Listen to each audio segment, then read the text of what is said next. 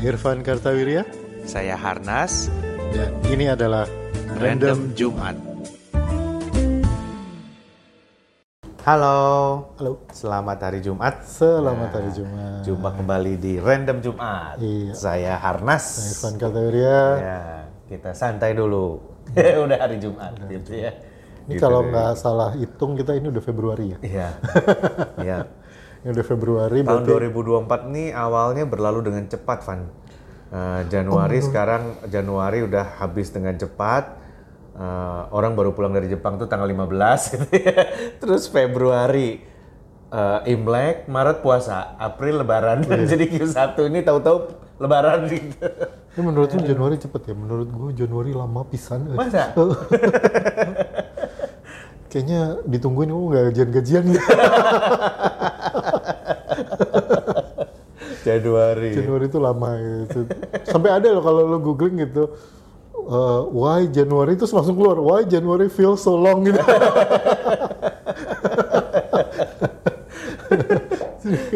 Emang Januari kerasa lama gitu. Nah ini kita mau bahas ini Har. Gue pengen bahas sesuatu yang lagi rame sempat kemarin-kemarin. Iya, oke.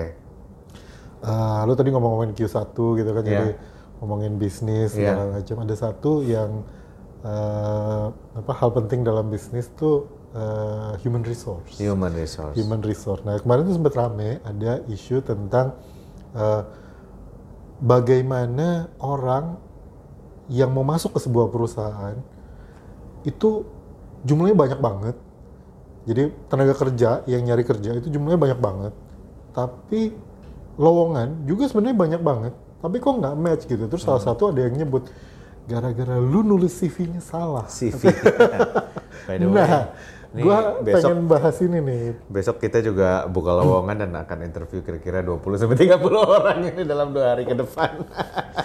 Satu Teman-teman kalau kalau butuh peker- pekerjaan sebagai sales maupun teknisi bisa kontak saya. kita juga desperate nyarinya, Pan. Nah itu, jadi Aduh. gue bilang, gue pengen bahas ini di random Jumat itu. Gue Tentang pengen bahas CV. tentang CV ya, atau penulisan CV atau CV lah in general gitu, kurikulum vitae gitu. Jadi kita akan bahas itu Tentang CV ini. ya, kurikulum vitae. Nah itu kan dalam bahasa Indonesia daftar riwayat hidup ya. Iya, riwayat hidup. Iya. Daftar riwayat hidup. Lu masih ngupdate CV nggak? Lu kan profesional sekarang jalanin perusahaan uh, quite high level gitu. Lu masih ngupdate CV lu nggak? Ngupdate karena kadang-kadang diminta kalau mau jadi pembicara apa? Tolong pak kirim CV-nya uji CV gue mana gitu ya. jadi terpaksa ya bukan terpaksa gue gue update kar- karena sering diminta untuk jadi pembicara. Bukan mau ngelamar kerja tapi jadi pembicara. Itu biasanya mereka minta CV otomatis kalau dulu CV-nya banyak karirnya kalau sekarang CV-nya banyak komunitasnya. Karena mau jadi pembicara kuliner biasanya. Jadi bahwa eh, lu eh, 20 tahun leading eh, perusahaan kompresor tuh nggak nggak penting-penting amat sih. yang penting belakangnya eh, apa eh, ikut PKN 2020 fermentasi nusantara gini gini, gini gitu. Iya, jadi kebanyakan kebanyakan itunya CV-nya terakhir gue rubah CV-nya Van. Tadinya kan tertulis Terus? karena kalau nulis kalau Word itu kan diedit di handphone susah ya kebanyakan kan ngeditnya di handphone jadi akhirnya gue pakai PowerPoint Oh, Nah, jadi yang pertama keluarga, yang kedua perusahaan, yang ketiga. Nah, ini mungkin buat teman-teman yang bikin CV kayaknya PowerPoint lebih lebih atau Canva lah gitu ya. Canva. Lebih lebih cocok kayaknya daripada dalam bentuk riwayat ini baru panjang gitu. baru lagi nih power. Gue baru dengar lagi nih power apa eh, eh, kurikulum vitae atau CV dalam bentuk presentasi. Iya, gue baru dengar. Iya. Dan menurut gue masuk masuk akal sih. Karena kan sebenarnya kurikulum vitae itu dipakai untuk mempresentasikan diri lu ke calon ini ya perusahaan yang lu- Iya. lu, lamar kalau lu ngelamar perusahaan atau kalau tadi lu jadi pembicara berarti kan ke orang yang ngundang kan Iya. untuk nanti ke audiens gitu. Bagus juga ya kenapa nggak kepikir ya bikin Iya. bikin dalam format presentasi gitu ya PowerPoint atau Canva atau slides atau Iya, yang lain betul. gitu ya. Canva atau menurut gua sih kalau ditanya ya misalnya kalau terima terima CV gitu ya. Hmm. eh, apa sih yang dilihat gitu? kalau gua mah ada gambarnya aja gua udah seneng Maksudnya, gambar muka orangnya gitu kan Karena karena berarti dia effort gitu ma- meng- menginsert itu foto ke dalam boardnya dia kan soalnya kan kadang-kadang namanya ini ini ini kalau ada fotonya kan kita atau fotonya di attach gitu ya. Iya, iya. tapi jarang sekarang yang pakai fast foto rata-rata ya nggak ada fotonya gitu. Atau kelihatannya di ijazah gitu Iya, kan. Eh, kalau menurut gua sih asal ada fotonya terus eh, ya yang yang dilihat kan biasanya kan pekerjaan udah keluarga apa belum gitu kan rumahnya di mana pekerjaan gitu. Itu sih eh, basic sih menurut gua Hmm, sih. informasi basic yang harus ada nah info- nah itu pertanyaan pertanyaan penting tuh. Informasi basic yang harus ada. Ini kan tiap orang bisa nge- ngartiin itu beda-beda ya. Oh. Maksud gue gini, aja gua punya dua format CV yang standby Uh, dan dua-duanya dalam dua bahasa, satu dalam bahasa Indonesia, satu dalam bahasa Inggris. Dua format CV ini, ini kalau HRD gue nonton bukan mau kabur ya. ini standing by aja karena katanya buat pembicara. itu buat pembicara buat jadi pembicara Tapi po poinnya gini, kalau dua format yang gue punya itu, yang satu gue sebutnya format dikti, format eh, Kementerian Pendidikan. Oh. Karena kalau gue misalnya mau apply proposal penelitian misalnya, itu harus melampirkan CV dan CV-nya formatnya tuh jelas. Satu itu nama, institusi, nomor induk dosen, sertifikasi, nomor WhatsApp. Abis gitu yang berikutnya adalah publikasi lu langsung deng deng deng deng. deng. Dia nggak peduli lu lulusan mana dan lain pokoknya publikasi lu gitu. Baru terakhir di bawah yang lain-lain. Itu format dikti tuh. Gue gue nyimpen tuh satu dan dalam bahasa Indonesia dan dalam bahasa Inggris. Yang satu lagi yang format umum yang gue punya sendiri. Yang itu yang buat pembicara-pembicara itu. Yang ada fotonya gitu. Fotonya juga bukan yang pas foto gitu Iya. kan. Nah, identitas dasar atau informasi basic itu menurut lu apa aja yang mesti Kalau masuk kan kalau gua kan eh, karyawan untuk kerja profesional gitu ya. Hmm, Jadi yang pasti itu harus ada eh, keluarga, maksudnya udah kawin, udah menikah atau belum? Oh itu, Itu perlu. penting ya, ini nih, pertama data lah ya nama, Data, nama, alamat gitu Alamat. ya. Nama, alamat dan Tem- sebagainya. tempat tanggal Data lahir. KTP lah gitu. tempat tanggal lahir itu perlu. Perlu, perlu. tempat tanggalnya perlu. Karena kita mau tahu ini umurnya kira-kira berapa gitu kan. Terus berikutnya udah menikah atau belum itu juga informasi penting. Karena kebutuhannya beda. Ya kan, yang cocok sama pekerjaan ini nih ada yang single, ada yang udah menikah gitu loh. Jadi jadi ini eh, ada penilaian lah secara umum kalau orang yang udah menikah itu lebih long term, misalnya gitu. Kalau yang belum menikah itu lebih short term. Jadi misalnya dia ah menikah istrinya orang dia ikut istrinya atau apalagi kalau dia perempuan, oh ikut suaminya ke mana bisa hilang gitu orang itu. Jadi keluarga itu nah eh, Ini ini realistis ya teman-teman ya. Ini Iya. dari pengusaha nih. Goblok. oh nggak boleh gitu dong, Har. Iya. Ya kenyataan sih kalau karyawan Iya, gua kabur, gua begitu. mesti nyari lagi. Iya betul, iya. Jadi itu kan kan perbandingan dong. Gitu. Terus eh, biasanya apalagi ya eh, data KTP lah semua ada gitu, data KTP ada. Terus udah gitu ada satu lagi eh, pengalaman kerja. Gue juga nggak terlalu melihat pendidikan. Yang gue lihat cuma nilainya, nilai nilainya berapa gitu ya, nilai apa namanya ya IP-nya berapa gitu. Itu buat gue informasi penting. Dan terus eh, abis itu eh, pe- eh, riwayat pekerjaan. Nah, riwayat pekerjaan ini teman-teman agak ada triknya. Sebab gue baru interview orang yang ber- sekian tahun di perusahaan ini, sekian tahun di perusahaan ini, sekian tahun perusahaan ini, tapi dia punya, saya pernah kerja dengan mesin ini, mesin ini, dan mesin ini pak, dia bilang gitu. Terus gue tanya, loh mesin-mesin itu nggak mungkin ada di perusahaan tempat lu kerja nih. Kok lu bisa punya pengalaman? Oh iya pak, itu Sabtu Minggu. itu langsung kecoret teman-teman karena wah ngobiek nih orang gitu loh ya ini bukan bukan mancing atau apa gitu ya tapi dia berarti Sabtu Minggu atau ada kemungkinan dia mencuri waktu di jam kerjanya. di jam kerjanya dia untuk kerja di tempat lain gitu. Nah ini nggak nggak nggak klop gitu kan? Gitu. Jadi kalau kalau saran gua sih terus pekerjaan-pekerjaan yang saya kan lagi cari kerja terus belum dapat gitu ya. Terus udah gitu oh gua sementara bantuin temen gua. Bantuin temen tuh nggak usah ditulis gitu. ada yang ada yang bantuin temennya itu ditulis Van. Jadi seolah-olah kerjanya oh nanti teknisi terus eh, nyetir mobil terus jadi driver gojek gitu kayak gitu-gitu nggak usah ditulis kalau menurut gua sih. Kan misalnya kan kita kan punya requirement misalnya sebagai teknisi mesin gitu ya. Ya udah yang re- re- yang berhubungan dengan teknisi mesin aja. Kalau kosong bilang aja ya pak waktu itu saya lagi cari-cari kerja saya iseng jadi driver gojek. Oh ya bagus berarti kamu bisa nyetir kan? Gitu. Kita perlu bisa nyetir nih misalnya gitu kan. tapi kalau ditulis eh, jadi kadang-kadang jadi jadi apa serabutan kelihatannya gitu loh kerjanya. Kadang-kadang ke sini, kadang-kadang ke sono. Jadi kita bingung nih orang tuh eh, eh, skillnya di mana gitu. Iya, karena lu nyari yang sangat spesifik ya. Iya, gue nyari yang spesifik. Gue nyari yang spesifik. Tapi ya itu pengalaman kerja itu menurut gue paling penting dari Kalau situ. kalau kalau lu nyari yang nggak terlalu spesifik, misalnya kayak gue inget kan dulu lu pernah punya laundry. Iya, Nah, itu kan ada yang jaga tuh. iya. Nah, kalau kalau yang nggak spesifik gitu, apa yang lu lihat?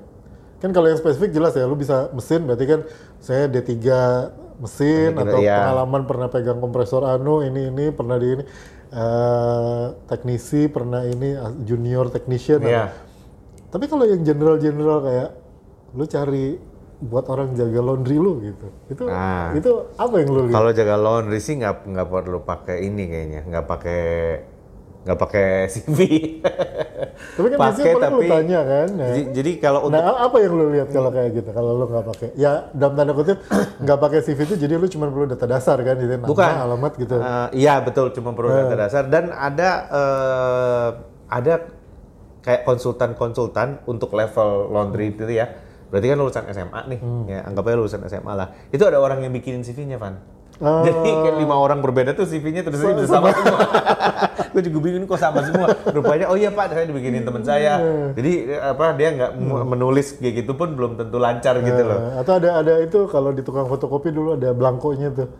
Eh, iya Ada, betul, tinggal tinggal, ditulis. Iya, terus ada surat keterangan baik Iya, dari iya, polisi lah segala macam. Kalau itu gua nggak terlalu ngeliat karena sedikit kan informasinya, jadi tinggal ngisi aja. Eh kalau gue sih interview orangnya ya, Hmm. gue ngelihat orangnya. Eh, satu menurut gua ya ini buat teman-teman yang mau ngerekrut orang juga basic traits yang gua lihat very simple itu ada dua. Pertama eye contact Hmm. ya. Eh, set- kalau dia berani eye contact berarti bagus. Oh gitu. Nah, kadang-kadang ada yang di interview misalnya ki- kita, gue ngomongnya begini, dia dianya gini terus. Hmm. Kamu tinggal di mana? Di sini. Bisa kerja nggak? Bisa. Dia nggak nggak nggak eye contact gitu. Kalau menurut gua, gua beberapa kali pengalaman orangnya eye contact gitu kan, eye contact. Nah, eye contact itu menunjukkan dia fokus dan menurut gua karakternya bagus gitu. Karakternya bagus. Beberapa kali berdasarkan eye contact gue cukup berhasil lah gitu ya. Ini kan random kan susah nyarinya nih. Yang eye- yang berani eye contact itu eh, bagus biasanya. Terus yang kedua, gue suruh gambar, Van. Itu sih Oke. trik gue dari dulu. Gue pernah diajarin orang dan sampai sekarang gue terapin. Gue kasih kertas kosong. Terus coba kamu gambar rumah. Gambar apa?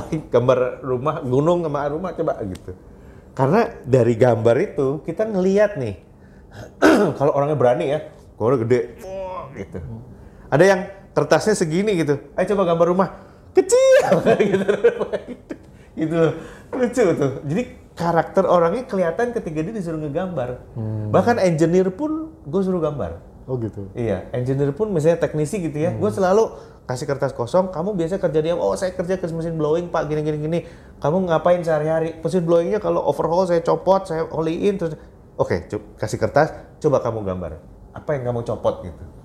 Terus dia nggak gambarnya nggak nggak jelas gitu kan? Ah berarti yang nyopot temennya. nih pak, ini pintunya nih ya. Kalau dibuka ini ada valve ah, di bagian sini nih. Nah, kalau dia bisa gambarin, berarti dia bener-bener ngerjain gitu. Atau dia mudeng yang dia kerjain itu apa? Iya. Kadang-kadang ada yang nyop bongkar mesin mobil pasang lagi tuh dia nggak mudeng yang dia pasang itu apa? Ketika disuruh gambarin eh, motor mobil itu eh, busi itu di mana sih posisinya? Dia bisa nggak bisa gambarin. Bang. Padahal eh, sering bongkar pasang mobil, sering pak. Saya kerja di bengkel gitu. Coba busi itu di mana? Fungsinya apa gitu? Dia nggak bisa loh. Berarti dia kerjanya kayak robot gitu. Hmm. Atau ya dia bantu-bantu doang gitu. Atau dia bantu-bantu doang ya. Atau dia Artinya nggak se nggak Dia seperti yang dia sampaikan Iya gitu. betul, nggak sepaham paham Iya. itu mengenai apa yang dia kerjain gitu. Kalau menurut gua kertas kosong suruh gambar itu, menarik, menarik. ya, apa namanya? Eh gua dari HR sampai segala macam kalau interview pasti gua suruh gambar. Karena gua mau lihat gitu seperti apa Iya. orangnya dan nggak ada bagus nggak ada jelek kan, Hmm. tergantung aja milihnya bagaimana gitu. Iya, iya. Itu kalau kalau di psikologi kan emang ada ilmunya tuh ya. Tapi kalau lu feelingnya ngelihat orang ngegambar gitu ya. Iya, dia nanti di attach kan dari satu file eh, gitu, di attach. Jadi yang- kalau yang gua tangkep hal yang berbeda mungkin gitu. Iya betul. Nanti kalau misalnya eh kalau orang gambarnya kecil-kecil, tuh berarti orangnya hati-hati banget misalnya gitu. Uh, untuk orang yang kerjanya misalnya elektrik arus tinggi, nah Hmm. itu dia harus yang hati-hati banget, gitu loh. Pas gue lagi butuhnya mekanik, wah nggak kelar-kelar kalau begini. Tapi nanti kalau oh sekarang kebutuhannya elektrik pak yang arus besar, oke, gue cari mana yang gambarnya kecil. Hmm. Nah ini nih, itu kayak coba ya orang elektrik itu pasti gambarnya kecil-kecil. orang elektro gitu ya, terus ahli Hmm. elektronik gitu ya, kasih kertas suruh gambar dong, pasti dia kecil-kecil gitu. Karena harus hati-hati Pak. kalau gini kesetrum gitu. Kalau mekanik kok kalau nggak berani bongkar gardan nggak bakal turun gardannya. Harus berani gitu. itu trik gue sih gitu suruh ngegambar. Itu kan kalau udah nyampe ke interview kan. Nah ini gue balik ke balik ke CV ini. Kalau lo bilang tadi asal ada fotonya lo udah seneng gitu. Bentar, foto dulu. Pas foto, lo prefer yang pas foto atau yang bukan pas foto? Eh, Pas foto itu berarti kan ya gini kan? Iya. Nah, atau yang rada rada gaya lah gitu. Rada motivator. Ya tergantung posisinya sih. Tapi Nah. semakin kalau buat gua semakin fotonya aneh semakin bagus pan. Kenapa? Karena eh, gini ya, apa namanya? Kita itu kan eh, perusahaannya itu kan kita trading company, jadi orangnya nggak terlalu banyak. Eh, kita butuh orang-orang yang ada itu aktif gitu loh. Gue bukan tipe pabrik seribu orang yang gue butuhnya tas dia yang ngerjainnya itu doang. Enggak, gue butuh satu orang yang bisa segala macem. Biasanya kalau orang yang majang fotonya kreatif gitu ya, itu dia orangnya kreatif juga. Minimal pede lah. gitu. Minimal pede betul. Dia kepikir buat dia untuk ah gue foto wifi aja nih, terus gue taruh di situ gitu ya. Jadi kalau menurut gue itu menunjukkan kreativitas sih. Daripada lu harus bayar ke tukang foto, terus lu cetakin foto lu gitu kan. Kalau menurut gue itu itu satu nilai plus sih, nilai plus yang bisa kelihatan gitu fotonya. Nah, ini kalau ada dua CV nih, ada dua CV. Eh, karakternya atau pengalamannya atau apanya itu mirip-mirip. Karena gue pernah ada teman dosen di sini, eh, dia datang dengan CV yang eh, hampir mirip almost 90% di education dan di experience-nya karena mereka teman dan mereka selalu bersama. Jadi jadi bahkan kayak eh, habis dari sini pindah ke sini, habis dari sini pindah ke sini, itu mirip. karena selalu kan gue cabut ke sini, ikut, ayo gitu. Terus pada saat mereka eh, melamar jadi dosen juga eh, speknya itu sangat mirip gitu. Kalau kasus di gue, gue dua-duanya gue hire. Gitu. nah kebetulan karena jago dua-duanya bagus gitu ya. Eh, salah satu menurut gue salah satu apa eh, masa depannya jurusan itulah eh, mereka berdua sekarang ini menurut gue. Nah tapi anggaplah ya gitu, lu cuma perlu satu orang gitu. Terus ada dua dua kandidat ngasih CV, masukin CV. HR lu kan bilang ada Pak yang dua ini Pak umurnya masuk, karakternya mirip-mirip gitu. Saya speknya mirip-mirip, lulusannya yang satu lulusan ini, yang satu lulusan itu, tapi dari tempat yang mirip gitu. Eh, dari CV-nya aja gitu. Sementara lu bisa bilang, oke gue cuma mau panggil satu misalnya gitu. Ada nggak dari hal dari CV ini yang akan jadi tipping point-nya yang akhirnya lu bilang, yang ini deh yang dipanggil coba. Paling nggak gini, yang lu mau panggil duluan gitu. Karena kan yang lu panggil duluan kan pasti yang menarik dong gitu.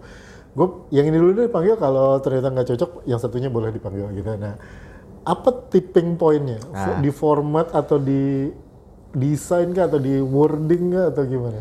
Kalau gua ya terus terang CV itu kalau keputusannya kayak gitu, gue selalu panggil kan. Gua orangnya menilai seseorang tuh harus ketemu gitu. Hmm. Gue merasa nggak fair kalau menilai seseorang dari dari CV-nya atau dari tulisannya aja. Kalau segenting itu ya artinya, oh ini dua ini kayaknya sama-sama bagus nih pak. Gitu. Ya udah panggil dua-duanya deh. Kalau gue gitu, sebab eh, agak susah kalau menurut gue ya. eh, eh, kalaupun gue nilai adalah effortnya, misalnya dia rapi apa enggak, atau atau dia effort nggak sih nyiapin itu, atau dia siapin satu terus dia fotokopi aja gitu, atau dia tulis satu-satu misalnya gitu. Kalau menurut gue itu itu yang gue dan semua persyaratannya itu lengkap apa enggak, apa ada yang kurang-kurang gitu kan? Kalau kurang-kurang berarti dia nggak prepare kan. Tapi baik lagi, gue selalu menurut gue nggak fair eh, ngasih keputusan karir hanya berdasarkan tulisan gitu. Gue sih harus ketemu orangnya, ngobrol. Setelah ngobrol ketemu gue jadi tahu oh ter- kadang kadang-kadang beda banget. Ada orang yang CV-nya acak-acakan gitu ya. Tapi pas ketemu orangnya bagus. Lu pernah pernah kayak Pernah. Beberapa kali pernah atau CV-nya bagus sekali pas ketemu orangnya oh kok begini gitu. nggak cocok nih. Gitu loh. gitu? Jadi Yang gue pernah yang kayak gitu. Yang Iya. kedua gue pernah. Kedua pernah ya? yang kedua yang kedua gue pernah tuh. Iya. CV-nya bagus, gila, keren. CV-nya impresif. Dia kalau lihat dari CV-nya mah langsung keterima lah gitu. Uh, Tapi gue mau ketemu dah orangnya. Eh, lu begitu ketemu kok beda gitu. Apa nggak nggak. Hmm, Iya, Jadi kalau iya. menurut gue kan ya karir kan cocok-cocokan ya. Ya itu gue sih harus menentukan berdasarkan ketemu orang aja. Iya. Gue suka ditegur sama anak buah gue. Eh, sampai gue mendingan bapak jangan interview dah. Kenapa? Bapak tuh orangnya terlalu positif. Menurut bapak semua orang baik. Susah katanya. Ya juga ya. Itu gue selalu berusaha melihat kebaikan Iya. gitu. Sementara karyawan gue ada satu tim gue dia dia ngeliat, wah ini orang kayaknya begini nih pak. Oh kok lu bisa lihat gitu sih gitu. Gini. Karena dia selalu melihat yang jelek di orang. Kalau bapak selalu melihat yang baik intinya. Jadi semua orang baik gitu. Supir truk menjadi teknisi juga baik gitu. Karena dia beri berusaha. Ya iyalah pak katanya. Gue jadi diomelin ya udah deh kalau gitu interview lu aja gue belakangan aja gitu. Gue juga ada satu eh, itu apa ada ada ada satu kawan yang yang eh, rajin banget ini back- background check. Oh. Jadi kan kalau ketemu kita saya kayak gini nih, kita kita interview orang kan kita berdua nih gitu. Kandidatnya nah, gimana aja ngobrol kan ya. Kita pengalaman random Jumat kan. Jadi Iya. ngobrol apa aja ayo gitu. Iya. Oh di mana yang kemarin? Gini oh iya, iya. sebelum di sini di mana? Oh, itu di sebelah mana? Di sini. Oh itu daerah sana ada ini kan? Oh segala Nah. macam kayak oh iya pak. Ya, seru- lah gitu. Begitu. Udah selesai gitu kan? Eh, udah selesai gitu ya. Teman gue tanya juga begitu udah selesai? Sekarang mesti tanya gimana tadi?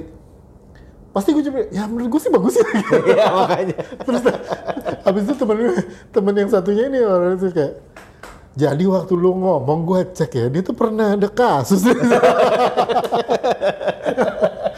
gue nggak tahu yang itu baru ngecek tadi Iya kan? Interview semua orang baik gitu. Susah. Susah. Karena gue selalu melihat kebaikan dari setiap orang. Jadi setiap orang bagus semua gitu. kayaknya oke Gak cocok gitu buat interview Iya, kan. Gak iya. cocok. kayaknya oke pak orangnya ini bisa nih kayaknya kalau kalian nggak bisa bro nih lihat tuh oh gitu. Ya ya jangan itu kalau gitu. Sayangnya padahal bagus sih. Iya. Makanya kacau. Iya betul. Apa gue setuju sih kalau kalau memang pada akhirnya untuk menilai orang meskipun cuma 10 menit 15 menit setengah jam ketemu itu jauh lebih membuka banyak hal dibandingkan apa desk evaluation ya Betul. desk evaluation Betul. cuma memang yang membawa lo ke ketemu itu adalah desk evaluation ini nih Iya betul. jadi desk evaluation ini bikinnya juga jangan ya bukan jangan ngasal lah malah. Tapi kalau kalau orang bilang katanya gini, iya orang banyak yang nggak bisa nulis CV bagus tuh karena nggak tahu, mereka nggak diajarin, mereka nggak nggak ini nggak nggak nggak cukup informasinya malah ya, ya terlalu sederhana waktu zaman sekolah dulu nggak pernah ada pelatihan apa segala macam iya benar sih kalau menurut Iya gua benar, itu, iya. itu benar benar, benar kita mesti ngerti bahwa itu dan terjadi ya gitu. dan apa ya eh ya itu kita berdua kan penulis ya gue Iya. juga penulis gitu jadi kadang-kadang kita menganggap skill menulis itu take, take it for granted granted, gitu iya. pasti semua orang bisa lah gitu Iya. tapi ngelihat misalnya eh, orang gua gua suruh coba tulis email dua paragraf deh gini gini gini itu lama rokok dua bungkus gitu nggak kelar kelar ini kenapa lama amat sih Gitu. ternyata menulis itu Iya. bukan satu skill yang Yang- yang, mudah buat yang semua umum, orang gitu bukan loh yang umum buat semua Ah. orang gitu loh.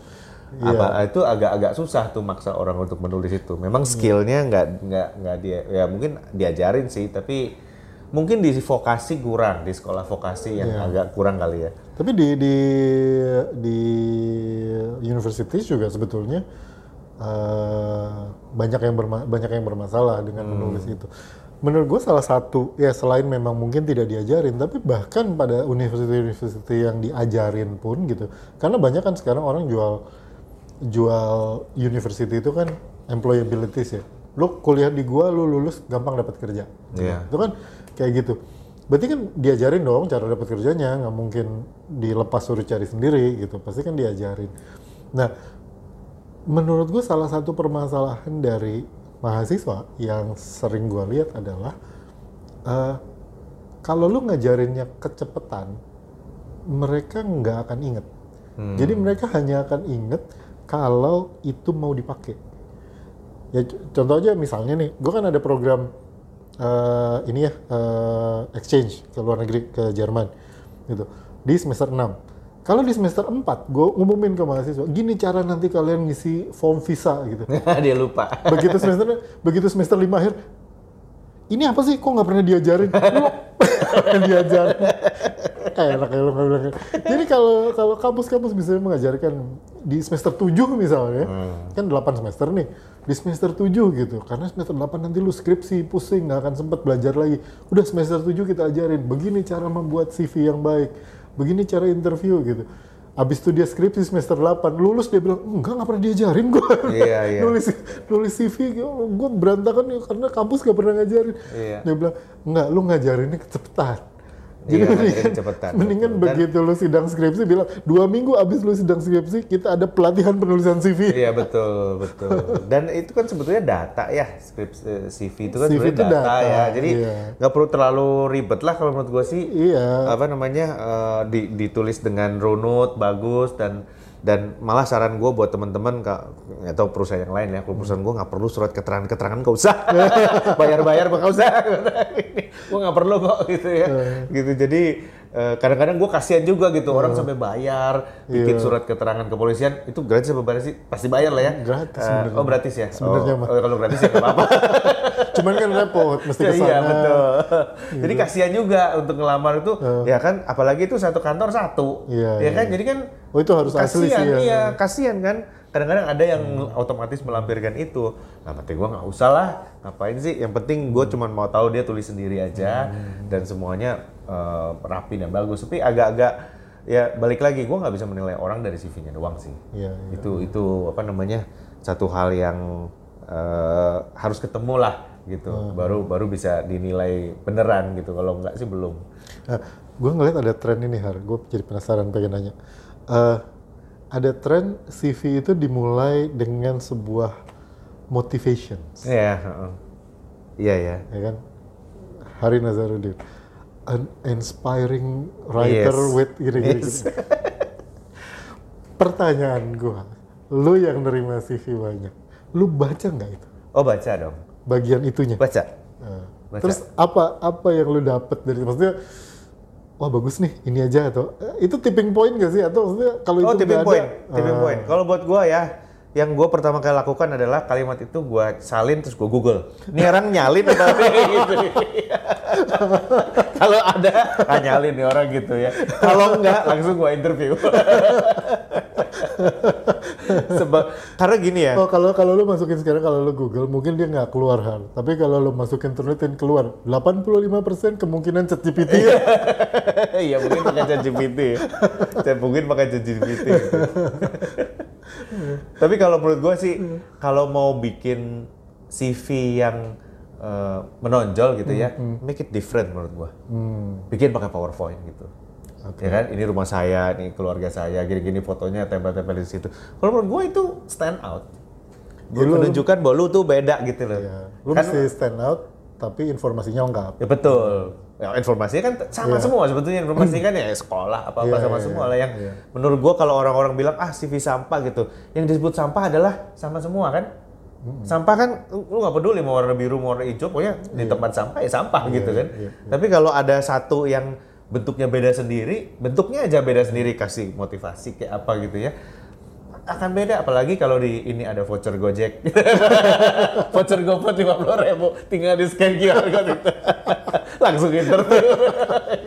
Daripada buat bayar surat-surat mendingan langsung aja nih. Nih Pak untuk yang mereview eh, CV saya bisa scan QR code dapat dapat voucher Go GoFood. So, 2000 aja gitu. langsung masuk make it different menurut gua. Iya, Stand out gitu loh. iya, iya. Wah, ini orang beda nih gitu. Nah, itu akan cepet paling nggak sampai interview gitu. Iya, iya. Gitu. Jadi buat teman-teman yang lagi nulis CV, Iya. ini kita nggak bicara bentuk CV yang baik dan benar yang bagus, yang yang yang flying yang kayak gimana. Ini mah pengalaman-pengalaman Iya, aja lah ya, pengalaman gitu. aja. Jadi poinnya tadi yang bagus sih satu ya stand out lah karena Iya. i- gini poin bener gue gue setuju poin pentingnya CV itu sebenarnya mah mau lu tulis pakai blanko yang lu beli di tukang fotokopian lu mau tulis sendiri lu mau pakai format apa mau pakai format apa isinya mah itu itu aja. Iya, data karena soalnya. lu kan isinya. Iya, isinya adalah adalah kita nama kita siapa kita pernah Iya. ngapain dan sebagainya. Jadi kalau standing out dengan dengan bentuk yang berbeda, bentuk atau apa yang berbeda. Ada sebuah itu statement yang kuat minimum gitu. lu menarik perhatian yang mereview CV lu dulu Ya, gitu. Itu minimal itu dulu. Dan kalau bisa sampai tembus dapat interview ya dimanfaatin sebaik-baiknya karena Betul. itu adalah langkah yang paling gede sebenarnya Yes. Bagaimana cara interview sudah pernah dibahas sebelumnya. nonton Random Cari Jumat aja yang di sebelumnya Random Jumat. Terima kasih udah nonton Random Jumat. Jangan lupa like and subscribe dan nyalakan notifikasinya. Ya, bisa dengerin di Spotify kalau mau nyari yang tentang interview, tentang cari kerja, Iya, tentang switching ada career, di situ. ada. Kita ketemu di Random Jumat berikutnya. Saya Irfan Kateria. Saya Harnas. Bye. Bye.